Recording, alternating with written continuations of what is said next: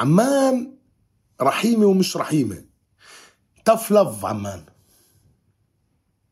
التف لف عمان بتخليكي تحبيها وتكرهيها بنفس الوقت. عمان مدينة عجيبة جدا. عمان ساحرة. ويمكن جزء مني فرحان إنه أنا انولدت برا العراق لأنه قد لأنه عندي حب إلها وحب للبوتنشل مالتها وماضيها ومجدها. ما أعتقد يعني ممكن اورثها لعشر أجيال ورايا مو جيل واحد. كمية العشق اللي أنا عندي لكل شيء عراقي. آه، يمكن لو كنت عشت هناك كنت رح أكون من إذية من الظروف الهوربل اللي عاشوا بيها اللي ما رح أقدر أعبر بيها عن هذا الحب.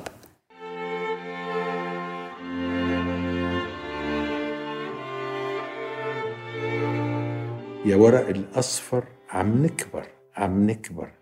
طرقات البيوت عم تكبر. عم تكبر. تخلص الدنيا وما في غيرك يا وطني. بتضلك طفل صغير.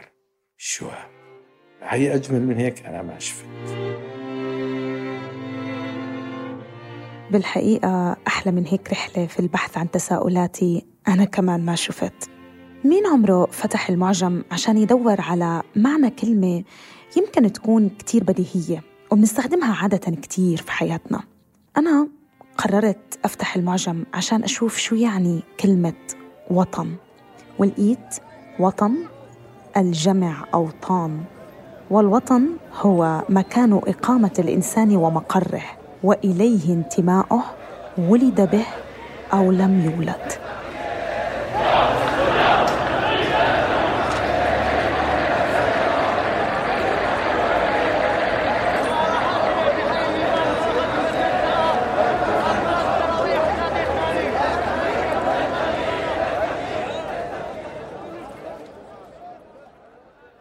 معكم شاهد بني عودة وعم تسمعوا برنامج بحب الموسم الثاني.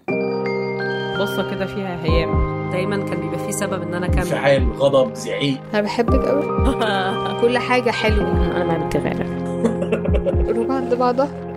قصص عن تلك الطاقة التي تحرك الكون. تستمعون لبرنامج بحب من إنتاج شبكة Kerning Cultures عشت في مدينة اسمها نابلس في فلسطين وتحديدا في شمال الضفة الغربية. تخيلوا معي مدينة بين جبلين وفي نصها وادي في ناس بسموها جبل النار وناس كمان بسموها دمشق الصغرى. نابلس من المدن اللي كتير معروفة وإذا حاولتوا تدوروا عليها في جوجل رح تطلع لكم الكنافة الصابونة التمرية حلاوة بزلابية الحمص والفلافل الفتوت خيار باللبن.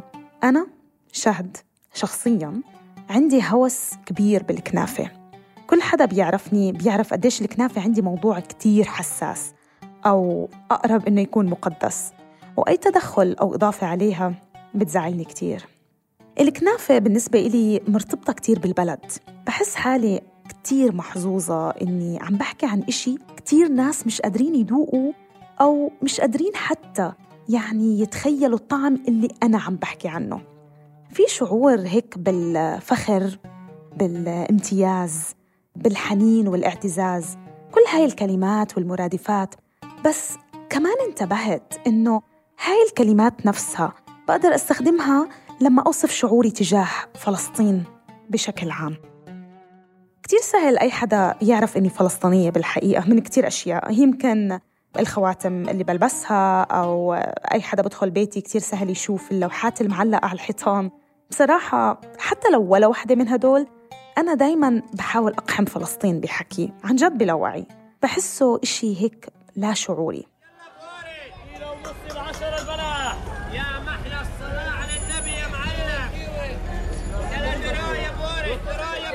كبرت في مدينة تعتبر من أجمل المدن الفلسطينية سواء بعراقتها أو بتاريخها أو حتى طيبة أهلها أو زقاق مدينتها القديمة. بس أنا شخصياً وعيتها هاي المدينة وهي تحت الاحتلال. كنت دايماً بحس إني بمكان غريب مش بأمان مش مريح في إشي ما عم بتفق معه. مش موافقة على كتير أشياء. مش مش موافقة على الظلم مش موافقة على الاحتلال مش موافقة كيف بصحى الصبح مش موافقة كيف في حواجز من مدينة لمدينة. مش موافقة على إني ما بملك قدرة إني أتحكم بيومي أو حتى أخطط لساعة لقدام. مش موافقة على فكرة إني ممكن أخسر أي حدا بأي لحظة. باختصار مش موافقة على كل شيء مفروض إني أتأقلم معه ويكون أمر واقع. ما في داعي نحكي قديش يعني الموضوع كان صعب. شعور بعدم العدالة بعدم الأمان بتهديد بفقدان حدا من أفراد عيلتك بقهر بذل. يعني بتخيل هاي المشاعر كلها كانت كفيلة إنها تخليني دايما أكون بدور على مخرج. مخرج ياخدني مكان بعيد بعيد كتير. يا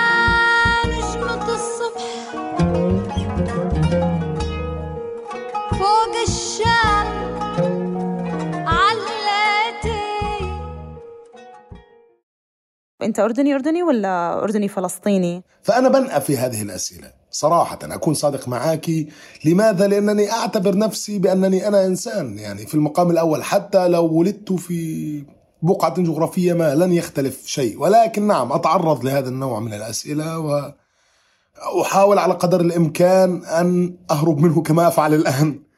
صراحة. هذا الشخص أو محمد علي هاي بالضبط أول مقابلة صراحة الشخص بأول مقابلة كان بيحكي معي بالفصحى ومش قادر يطلع من أجواء التعليق الرياضي فهاي الحلقة ببحث عن إجابات لكتير تساؤلات رافقتني خلال السنوات الماضية وكانت يعني دايما موضوع نقاش مع أصدقائي العرب اللي بيعيشوا تجارب مشابهة شو يعني وطن وانتماء؟ وهل الوطن حالة جغرافية؟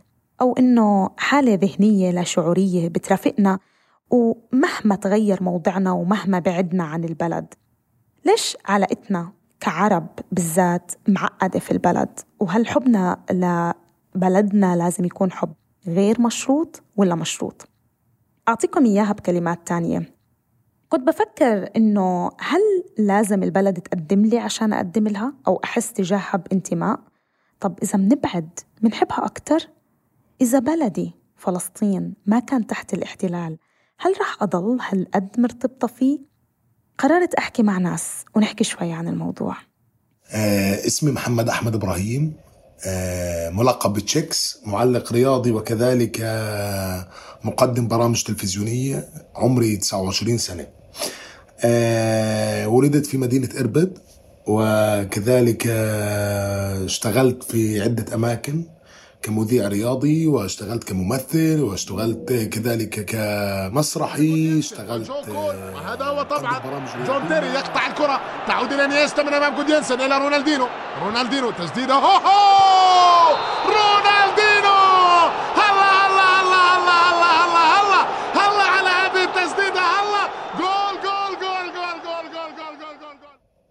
إربد هي المدينة التي أخرجتني. ولولاها لما ذهبت بعيدا يعني في الحلم الذي كنت أحلم به. وأن آه، أصبح معلق رياضي.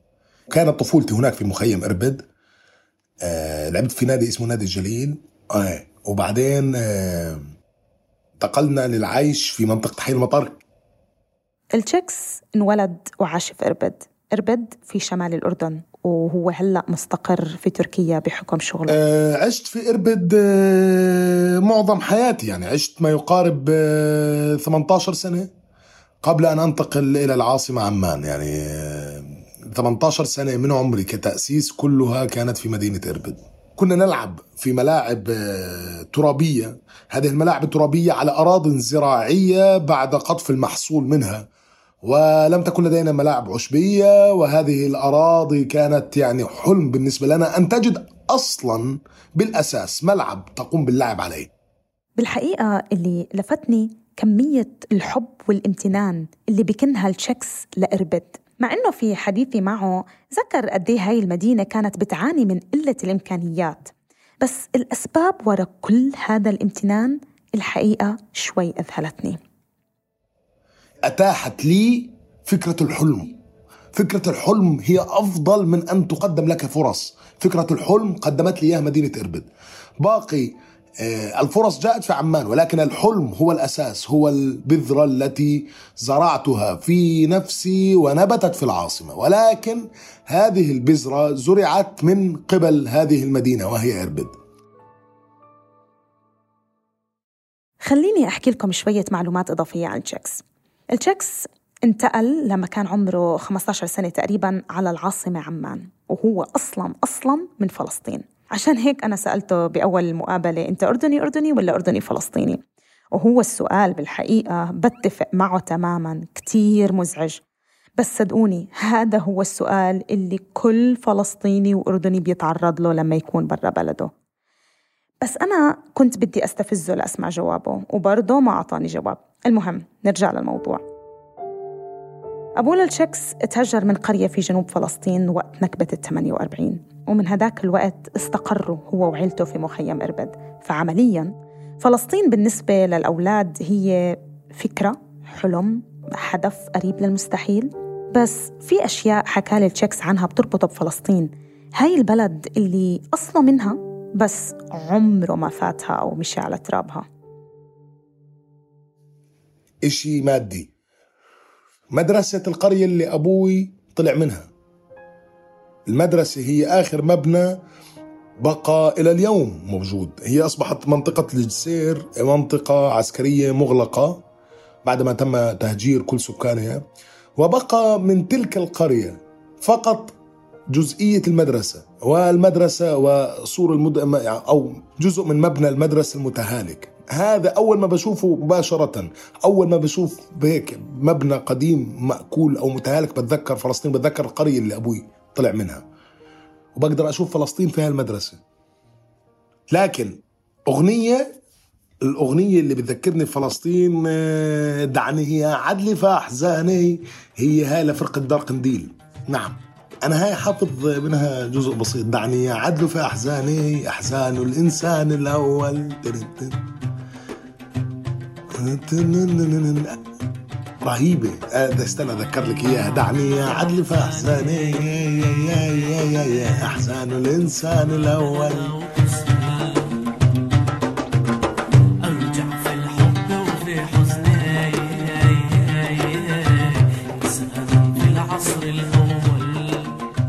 وفي لهم أغنية بحبها اسمها نعمان عايش بالعدم لا ينحني ولا بينهزم.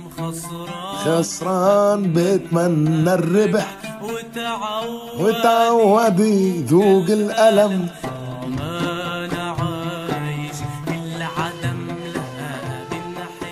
أنا كمان بحب هاي الأغنية كتير وهي بتذكرني كتير بأيام الجامعة. يمكن أنا بختلف عن نعمان بإنه كنت رافضة إني أتعود ومش قابلة فكرة إني أتعود.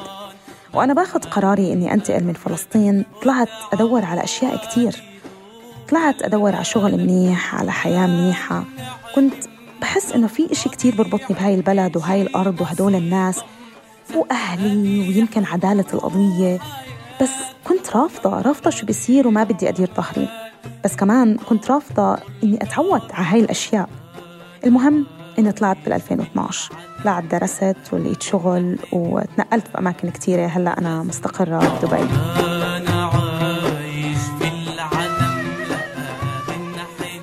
رح نرجع للشكس بس قبل بدي أعرفكم على صديقتي سوسن. أنا وسوسن منفوت في نقاشات دايما عن الوطن ومعنى الوطن. في كتير أشياء مشتركة بيننا بس هذا الإشي يمكن هو اللي طاغي بحديثنا دايما. يمكن لأننا عايشين في مكان واحد ومحاطين بنفس الظروف. في فرق كبير بين تفكيرهم هن وتفكيرنا نحن. بابا بجوز مو كتير تعلقه بناس معينة بس بالشام. بالنسبة إله يعني ما عرفان يعيش ليرجع على الشام. طول ما عم نحن هون هو كل شيء بيأجله لما نروح على الشام. بيشتري فرش هذا بنستخدمه لما نروح على الشام. أه فلوس بنشتري بيوت بالشام. بنعمل كل شيء لما نروح على الشام. ف وماما نفس الشيء إيه هو كان يعني خصوصا قبل الثورة كان فكرته حتى وقت بقى صارت الثورة هو على أساس خلص بده يتقاعد وينتقل. هذا الكلام ب 2011 هو كان عم يحكي وأحلامه إنه حيبني البيت اللي طول حياته بيحلم فيه. وكنا نحن بالجامعة بندرس عمارة فهو معماري. فكنا عم نشتغل على البيت مع بعض على ال design. عم نشتغل عليه على أساس هذا شو وين بدك أوضتك وشو بدك تحطي بالمسبح وشو عرفتي؟ وهذا واحد منهم ولسه كان في على أساس بيت بوسط الشام هذا المفروض على أساس برات الشام. فكان عم يخطط خلص إنه نحن بدنا نروح. سوسن سورية كبرت في الإمارات. دايما سوسن بتحكي عن شعورها تجاه الإمارات إنه هي بتحس بانتماء أكبر لإله لما تكون بعيدة عنه. بس شعورها تجاه الشام مختلف عن شعور أهلها تجاهه ودايما كمان بنحكي بهاي المواضيع. دايما تحكي لي عن علاقتها هي وإخوتها في البلد اللي كبروا فيها مقابل مشاعر أبوها.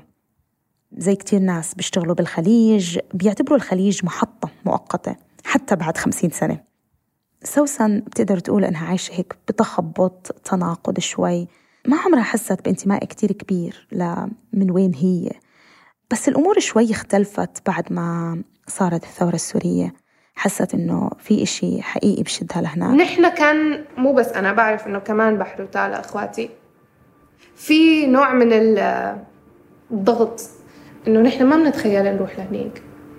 ما ما عندي يعني ما ما فيني أتخيل إنه مستقبلي هنيك بس هذا كان المستقبل اللي بابا بيتخيله وبيحلم فيه فكان في كانت كتير فكرة صعبة إنه أتخيل شو بدنا نساوي لما صارت الثورة ما عاد في عودة و و وصارت يعني صارت كتير غريبة لأنه كان بابا صار له 20 سنة عم يخطط لهال لهال لحظة. هاللحظة انت بتعتبري حالك مو مجبرة لأنك انت أخذتي القرار إنك تتركي بس انت كنت ما كنتي ببيئة بتسمح لك تعدي فأنت مجبرة. ما هي هلا مجبرة لأنه هون غصنا أنا وسوسن بعمق الكلمات اللي بنستخدمها وشو تعريفنا لمفهوم إنك تنجبري تطلعي من بلدك؟ بالأمان ال- النفسية ن- نفسيا. يعني في كتير أسباب. ما هي اللي عم أقول لك إياها إنه أنا ما بفكر فيها إنه يعني ما عم أقول لك. بابا مو إنه حاول يضل بس اضطر. أبو سوسن قرر يطلع من سوريا عام 1996 اضطر لأنه كان بدور على فرصة أحسن يقدر يعيش أولاده فيها. كان لازم يطلع من البلد ويلاقي مكان وفرصة عمل برا ليأمن لهم حياة وفرص أحسن من اللي ممكن كانوا ياخدوها إذا ضلوا بالشام. قررت أحكي مع أبو سوسن عشان أفهم أكثر منه شوية أشياء كان عن جد عندي فضول فيها خصوصا بعد المحادثة اللي عملتها مع سوسن. مرحبا عمو كيف حالك؟ كان المفروض إنه أروح أشرب فنجان قهوة معه وأسأله أسئلة محددة اثارت فضولي. بس هاي المحادثة تقريبا قعدت ثلاث ساعات أو أكثر شوي. طبعا عمه ما وقف يغمرني بالأشعار اللي بتحكي عن الوطن ومفهوم الوطن والغربة. هو يعني بعتقد طول الوقت على باله إنه هل هو كان صحيح إنه يترك ولا لا. حتى بالنسبة لنا يعني نحن ربحنا كتير ربحنا الدراسة والموسيقى والفرص والجامعات والأمان والاقت- والاقتصاد الاقتصاد المريح وكل هاي الشغلات ربحناها. بس كمان في كتير شغلات خسرناها. وأنا أول حديث حكيته مع بابا من هالناحية كتير زعل. كتير زعل. لأنه قلت له شلون بدك يعني يكون مرتبطه مرتبطة بالشام؟ يعني هو كتير دائما بقارن إنه شو خسرنا مقارنة بشو ربحنا. كتير.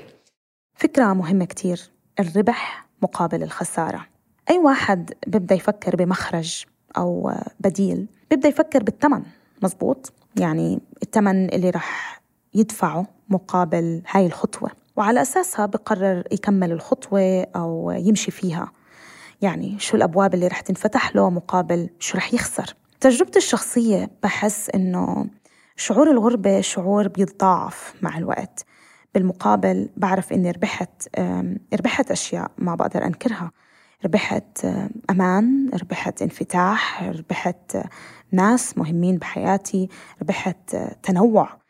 فكرة العيشة أصلا بمكان هالقد متنوع ثقافيا واجتماعيا مقابل العيشة بمكان آه، ذو صبغة ثقافية واجتماعية واحدة مذهلة صراحة. ومو بس هيك أنا يعني يعني إذا بتقولي لي مثلا كل هاي الأشياء اللي أنت تفقديها. لو بدك لو لو مثلا إنه هل بتتمني تكوني خلقتي مثلا فرنسية؟ بدال ما تكوني بهالوضع الغريب. بقولك لا. ما بتمنى إني اكون واحدة منهم. ما بتمنى إني اكون هيك. يعني قديش أنا مثلا بقول لك إنه ما عندي أي علاقة مع أي مكان. هلأ تقولي لي وين بتتخيلي المستقبل؟ ما بعرف. وين الوطن؟ أنا بالنسبة لي الوطن هو وين وين أهلي. بس. ما عندي أي يعني ما ما بقدر أفكر فيه إلا بهي الطريقة.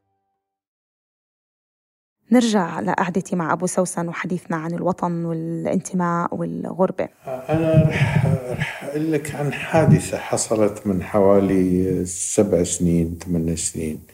طالعين كنا ساكنين بالشارجة طلعنا بالسيارة جايين على دبي. بدنا نتغدى. فتالا سألتني كانت جاية من السفر من بيروت سألتني آه، شو بدك بابا؟ يعني بمعنى شو بدك تتغدى؟ قلت له والله بدي بابا بدي سافر على على الشام وكب شناتي. يعني بمعنى ما سافر بعدها. أنا هذا حلمي من وقتها هو بيقول بدك بالشنطة كيف؟ من وقتها وأنت بتقول بدك تكب الشنطة. إيه هذا حلمي. أنا شخصيا لا بديل للشام عندي بأي مكان آخر. لا يعوضني أي مكان في الدنيا. عن دمشق طب بس بس شايف هذا الإشي؟ أنت شايفه؟ إنك رح ترجع؟ نعم نعم شايفه بدي أرجع أما ماذا يمكن أن يكون من المنغصات إلى مستوى يخليني أرد أطلع ولا لا ما بعرف طب تعتقد إنه مثلا عمو مثلا تالا وبحر وسوسن عندهم نفس الانتماء؟ لا بالتأكيد لا ولكن أنا أدعي إنه بسهولة رح يلاقوا انتمائهم هنيك لو أصبحت الأمور طبيعية في في سوريا. شآم أنت فتاتي وأمي حضنت صبايا فهل فيك أكبر؟ فما أفعل كي أنال رضاك وفيك بذرت صبايا وأبشر.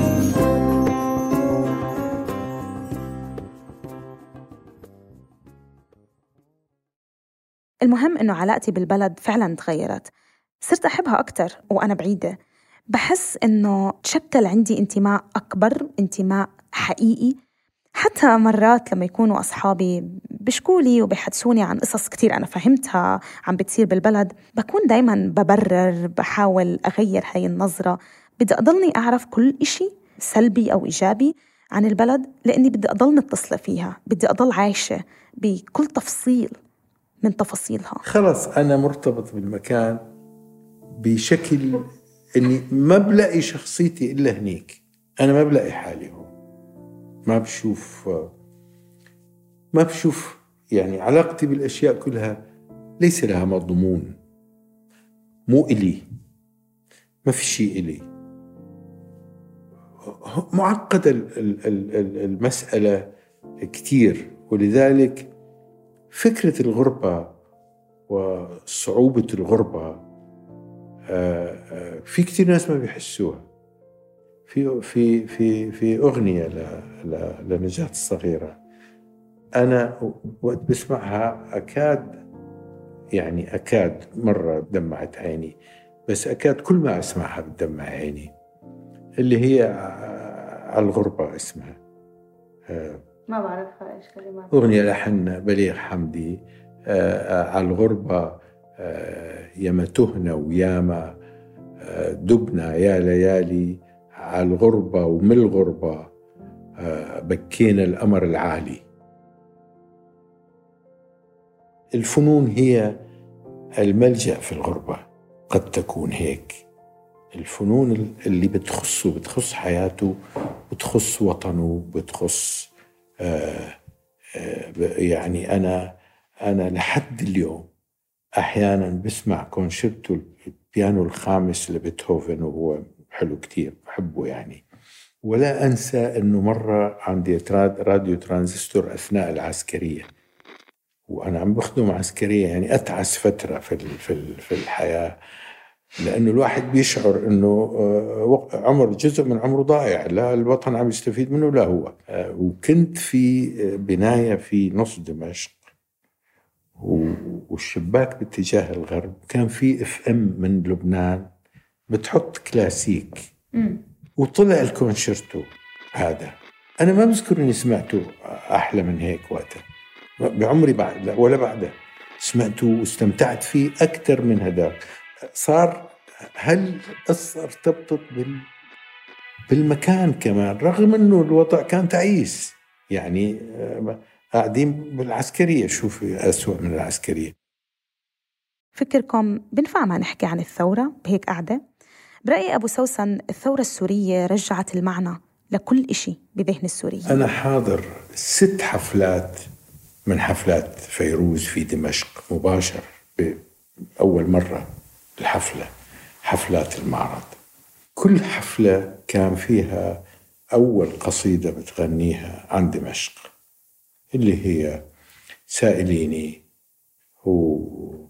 ومر بي لحن عبد الوهاب هي شام يا ذا السيف إلى آخره. ومن بيناتهم من بيناتهم وبعتقد هي وآخر حفلة حضرتها لفيروز. كان فيها قصيدة لسعيد عقل اللي هي يا شام عاد الصيف متئدا وعاد بي الجناح. أنا شخصيا شعرت بعد الثورة أني اكتشفت هدول ال- ال- الأغاني كأني ما سمعتهم. أنا حاضرهم بالحفلة بس صرت بسمعهم بطريقة أخرى. ليه؟ لأنه صار المعنى مكثف كتير. بس أنا هنيك سمعتها أغنية. إيه أغنية حلوة فيروز ولحن حلو كتير. آه، آه، و- وأنا غصيت في في في البيت اللي بيقول فيه كل الذين أحبهم نهبوا رقادي واستراحوا. هي أولها يا شام عاد الصيف متئدا وعاد بي الجناح. صرخ الحنين إليك بي أقلع ونادتني الرياح. أصوات أصحابي وعيناها ووعد غد يتاح. كل الذين أحبهم نهبوا رقادي واستراحوا.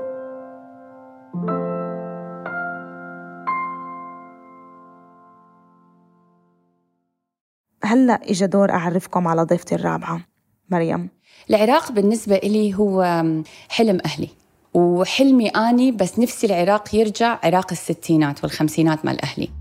هاي العراق اللي أنا أحلم بيها. اللي هم يتكلمون عنها عراق اللي ماما وبابا حبوا بيها بعض اللي مرة طلعوا من السينما ببغداد وكان musical ووقفت السيارات كلها و they blocked ال street مال السينما ببغداد وقاموا يرقصون بالشارع. هاي العراق اللي أنا ما أقدر أتخيلها هسه.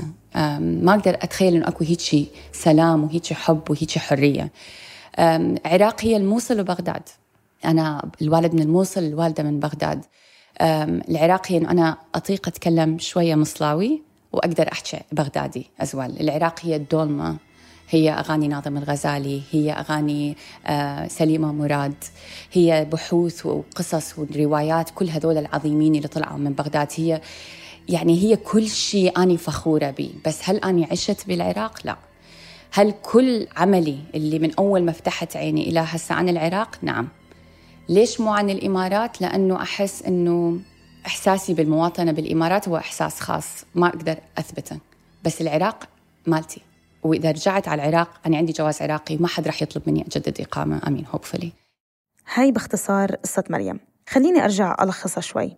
مريم انولدت في الإمارات وكبرت فيها.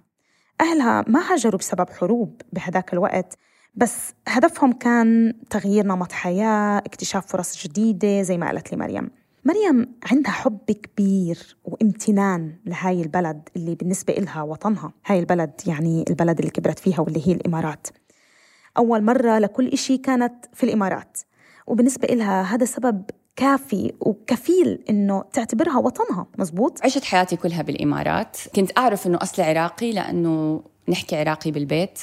بس آه، أيضا ما كنت أقدر أفهم شنو علاقتي بالإمارات لأنه كان كنت ماخذة العلاقة بالإمارات علاقة for granted. هاي بلدي هاي وطني وخاصة الشارقة اللي أنا ولدت وعشت فيها يعني. صح أنا لا أملك الإقامة الدائمة ولا أملك الجواز الإماراتي بس هذا ما له أي علاقة بشعوري إنه الإمارات بلدي. ما أعرف شنو هو تعريف المواطنة أو ما أعرف شنو تعريف الوطن بس أعرف إنك أنت لما تنولد بمكان وتعيش بمكان وأول قصة حب تكون بهذا الوطن. وأول ذكرى حلوة تكون بهذا الوطن وأول حتى يعني العائلة الدراسة التجارب الأصدقاء كلها تكون بهاي المساحة شلون هذا المكان ما يكون وطن. فأكيد الإمارات وطني بس أيضا التنشن اللي موجود من فكرة أنه أنا رسميا ما أقدر أثبت هذا الشيء يخليني أيضا خلاني فترة من الفترات أرجع لاصولي العراقية. وأرجع يعني أنا معتزة بيها جدا اني أموت على شيء اسمه عراق. بس ما أقدر أفسر لك يعني اكو أكو هوس من إنه إحنا نحدد إنه إحنا من مكان واحد. وهوس بالأنصاص يعني أنت نص ونص. طب وربات الربع والعشرة بالمية ولا ثلاثة بالمية؟ ليش لازم يكون حديين؟ ليش لازم نصي بالضبط ونصي؟ أكو أيام وسنين. أنا كنت 70% عراقية 30% إماراتية. وأكو سنين أنا كنت 90% إماراتية و10% عراقية. عمري ما كنت 50 50 هوية مريم العراقية تشكلت ونبعت من أزمة ويمكن وقتها بلشت تساؤلاتها. عن معنى الوطن والمواطنة. قبل كنا نسافر على العراق وأحبها وأعرف إنه أهلي هناك بس ما كنت أربط هذا بهوية. بس اني فجأة صار عندي شيء كان لازم أدافع عن نفسي إنه اني مو مع الاحتلال الكويتي وأدافع عن العراق لما يسبون عليه. وأنا فجأة صار عندي باتريوتزم إنه لا لا تتكلمون على العراقيين ولا وأنا عمري ثمان سنين ما كان لازم أفوت بهاي التجربة. بس أحس هاي التجربة اللي خلتني أرجع وأحس إنه اني صدق عراقية. خلينا نوقف هون. مريم هون بتحكي عن حرب الخليج الثانية عام 1990 لما اجتاحت العراق الكويت. كان وقت كان وقتها مريم عمرها 8 سنين وهي كانت عايشة بالإمارات زي ما حكينا. حكت لي مريم عن حادثة مفصلية صارت معها بهذا العمر. كانت أكو ألوان زرقاء بالموضوع لأنه أنا كنت دائما أصر انه نشتري تنورة زرقاء وتيشيرت أزرق. الألوان الزرقاء اللي بتحكي عنهم مريم هم ألوان الفريق الإماراتي بهذاك الوقت فريق النصر. فذكر كنت لابسة هاي الألوان which now as a writer I look at it very poetically. إنه أنا كنت completely يعني ممثلة هي الهوية الإماراتية مالتي فنزلت وضربوني البنات بحجارة انت بنت صدام انت عراقية أنتم احتليتوا الكويت. بنات من مختلف الجنسيات. آه وطلعت فوق على أهلي دا ابكي وقلت لهم شنو يعني أنا بنت صدام؟ أنا أعرف اسم أبويا وسام شو عليها هاي بهاي.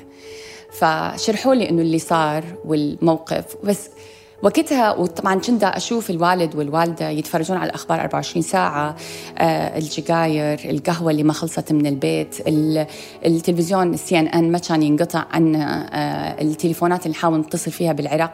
كان جدا traumatizing وحسيت وقتها إنه أني تجربتي داخل المنزل جدا مختلفة عن تجربة صديقاتي اللي كانوا من جنسيات مختلفة. برا المنزل. أنا عشت في فلسطين وطلعت منها. يمكن كتير طبيعي أني أشتاق لها. يعني بلد انولدت فيه كبرت فيه كونت ذكرياتي فيه. بحالة سوسن يعني ما عاشت بسوريا بس كمان ما قدرت تكون هاي العلاقة. بس مريم حالتها مختلفة شوي. شلون تشتاقين المكان ما عشتي بيه؟ بس نفس الوقت دائما أقول لزوجي إنه نفسي أقعد بمرجوحة بحديقة بالبيت مالتنا فوق جوايا النخلة يعني أنا جوا النخلة وأشم ريحة الهواء. But I've never done that. يعني بحياتي ما سويت هذا الشيء. زين أنا شلون أشتاق لشيء أنا ما أعرفه؟ وهنا أنا أتذكر الكلمة اللي قالتها دكتورة نادية العليا she's one of يعني أكثر الباحثين والأكاديميين اللي أحترمهم. She said nostalgia is an Iraqi disease. النوستالجيا هو مرض عراقي. وأنا وياها يعني ليش أنا لما أسمع أغاني ناظم الغزالي أبكي؟ وليش مثلا لما أسمع أغنية بغداد لا تتألمي أنهار من البكي؟ وأنا ما أعرف هالبغداد. أنا أعرف بغداد أمي وأعرف بغداد أبويا لما تزوجوا وعاشوا هناك وأعرف الموصل مال الوالد وأنا دف... دافعت دفاع مستميت عن الموصل لما تم احتلالها من قبل داعش. بعدين لاحظت أنه أنا منه أنا ما عايشة بالموصل. بس أنا كنت عندي مسؤولية تجاهها. علاقة جدا معقدة شهد. هي هاي تماما الغربة اللي بنحكي عنها. أظن إنه هذا النوع اللي أنا كمان بقدر أحسه وأفهمه كتير منيح.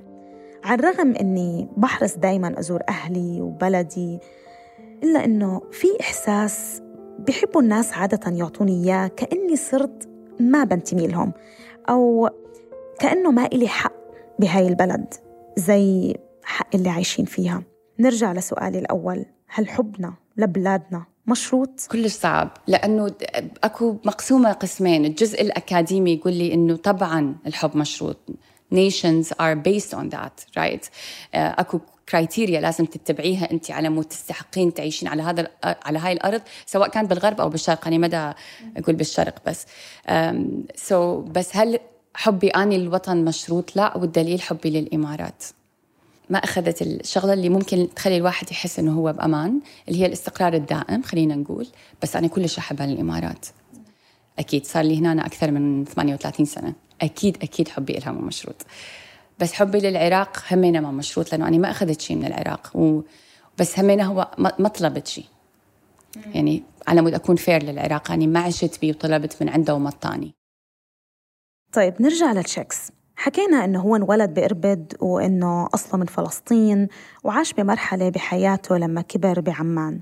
خلينا نسمع منه أكثر عن العلاقة الملتبسة بهالمدن الثلاثة وعن فكرة الغربة وضياع حقك بالانتماء بالبلد اللي أنت أصلا فيها. هلأ في في شغلة أنا ضايع فيها وهي بإنه هلأ لو بدنا نعتبر إنه في عشين وهما الأردن وفلسطين تمام؟ سكان العشين لا يروني طائرا منهم. أهل العش اليمين مثلا الأردن بشوفك عش فلسطيني. فانت بتروح على العش الفلسطيني فما بشوفك غير عش أردني. فأنت ضايع. فأنت بتنام بالشجرة بدون عش. فهذا الشعور بكون بصف المكان عندك إنه خلص أي عش بتقدر تاخده. آه فعشين. فهي قوانين صارمة من العشين. فأنت بتصفي عصفور غير مه... عصفور مهاجر ممكن ينام في عش ياباني ممكن ينام في عش تايلاندي المهم إنه مرتاح بس مع إنه بنفسه نفسه عش يعترف فيه للأبد. ما في فما في عش بضل بيعترف فيك للأبد. كان لسه عندي فضول أفهم علاقة الشكس بهاي المدن الثلاثة بس قبل الشكس حكالي عن أول مرة وصل فيها عمان. صحيت ثاني يوم أو ضليتني صاحي لثاني يوم ألفلف بالشوارع أتفرج على المباني القديمة. اتفرج على الشوارع اتفرج على البيوت اتفرج على فكرة الدوار اللي انت فيك تقعد فيه ومنظف ومرتب وكبير و... تفرجت كيف ال- الأمور في العاصمة عملية بشكل كبير. لكن اللي شدني أول ما وصلت لهناك بإنه كان في نوافير مي. كان على دوار الداخلية وعند دوار المدينة. كان في نوافير مي. فأتفرج عليهم أنا. كان هذا المشهد كأنه أنا في سيول. كأنه أنا في لندن. كأنه أنا في بلد عجيب غريب. نوافير مي وصوت المي. جلست هناك. كان ورحت جبت فنجان قهوة وجلست هناك. كانت هاي بالنسبة لي أحلى جلسة بجلسها في تلك السنة. نعم. كمان سألته عن إربد. كيف بتذكرها؟ اللي بذكرني في إربد حقول القمح اللي كنت عم بلعب فيها فوتبول. أول ما أشوف حقل قمح مباشرة بحط في راسي حجرين على الأرض. معناته مكان مكاني قريتي. و... وبذكرني في إربد شيء رهيب للغاية وهو رائحة شجر ال... هو هي الريحة مش لطيفة بس الريحة هاي حنونة وهي رائحة شجر الخروب. طب احكي لي عن الفرق بين هدول الأماكن الثلاثة إربد، عمان، فلسطين. إربد أمي عمان حبيبتي اللي أنا وياها بنتهاوش دايما. فلسطين جدتي. أمي كيف؟ هي هي اللي قوتني. هي اللي عارفة كيف تترجم مشاعري. هي اللي بتقدر تاخدني بحضنها و... واضلني اشكي لها اشكي لها اشكي لها ومع هيك تقول لي خد هاي مساحة لإلك روح اشتري فيها بسكوت شيبسي زي الطفل الصغير. المساحة تاعت البسكوت الشيبسي اللي هي الأرض كيف بتعاملني؟ بناسها كمان. عمان زي الحبيبة. عمان أنت ما بتفهميها. يعني يعني بتصحي بتحبيها. بتنامي زعلانة منها. بتصحي مش فهميتها. إيش بدها مني؟ إيش بدها مني؟ ما بعرف. بس أنا بحبها وبكرهها بنفس الوقت. فعمان بالنسبة لإلي عبارة عن مادة زئبقية مش ثابتة في مكان. بتروح مرة لجهة إنه أنا بحبها وأمرات بحبهاش وأمرات بشتاق لها وأمرات بشتاق لهاش فهي شيء زئبقي في داخل عواطفي شيء غير ملتصق. فلسطين جدة. في حدا بحب جدته؟ لما أشوف جدتي أنا رحمة الله عليها كنت أركض أبوس فيها. وأحط را... أركض أبوس في جدتي. وأحط راسي على ركبتها. وجدتي مهما عملت في ومهما غابت عني وما بتضل جدتي. يعني لو بشوفها في الشارع بركض زي الولد الصغير اللي مضيع أهله بركض على حضن جدته. الولد الصغير بكون مع أمه وأبوه أهم إشي يشوف جدته. والحامي لإله والوطن اللي بيشوف فيه نفسه هو جدته. ففلسطين هي جدتي. هي جدتي اللي أنا بدي أنام في دارها بدي أروح عندها. وأنا بحاول أفكر بالأسئلة وأدور على أجوبة. استنتجت إنه بلادنا ومدننا مش مجرد أسامي ولا أوراق ثبوتية ولا مشاعر وذكريات. الوضع يمكن معقد كتير أكتر من ما بنتخيل. يعني في جوانب حتما بتضل مش مفهومة. وهي اللي بتخلينا لحظات نحس إنه بدنا نقرب منها ولحظات مننفر منها. بعدين نرجع نشتاق لها من جديد. بالضبط هاي الدوامة اللي بحكي عنها. دوامة من المشاعر. صارت أمر أنا قررت إنه أتأقلم معه. في فكرة قالها أحمد شوقي في قصيدة صغيرة هالقد عن الوطن. هو اخترع صورة عصفورتان في الحجاز حلتا على فنن. في خامل من الرياض لا ند ولا حسن. بيناهما تنتجيان سحرا على غصن مر على أيكهما ريح سرى من اليمن. حيا وقال درتان في وعاء ممتهن لقد رأيت حول صنعاء وفي عدن خمائلا كأنها بقية من ذي يزن. الحب فيها سكر والماء شهد ولبن. اركبان نأتها في ساعة من الزمن. قالت له إحداهما والطير منهن الفطن. يا ريح أنت ابن السبيل ما عرفت ما السكن. هب جنة الخلد اليمن لا شيء يعدل الوطن.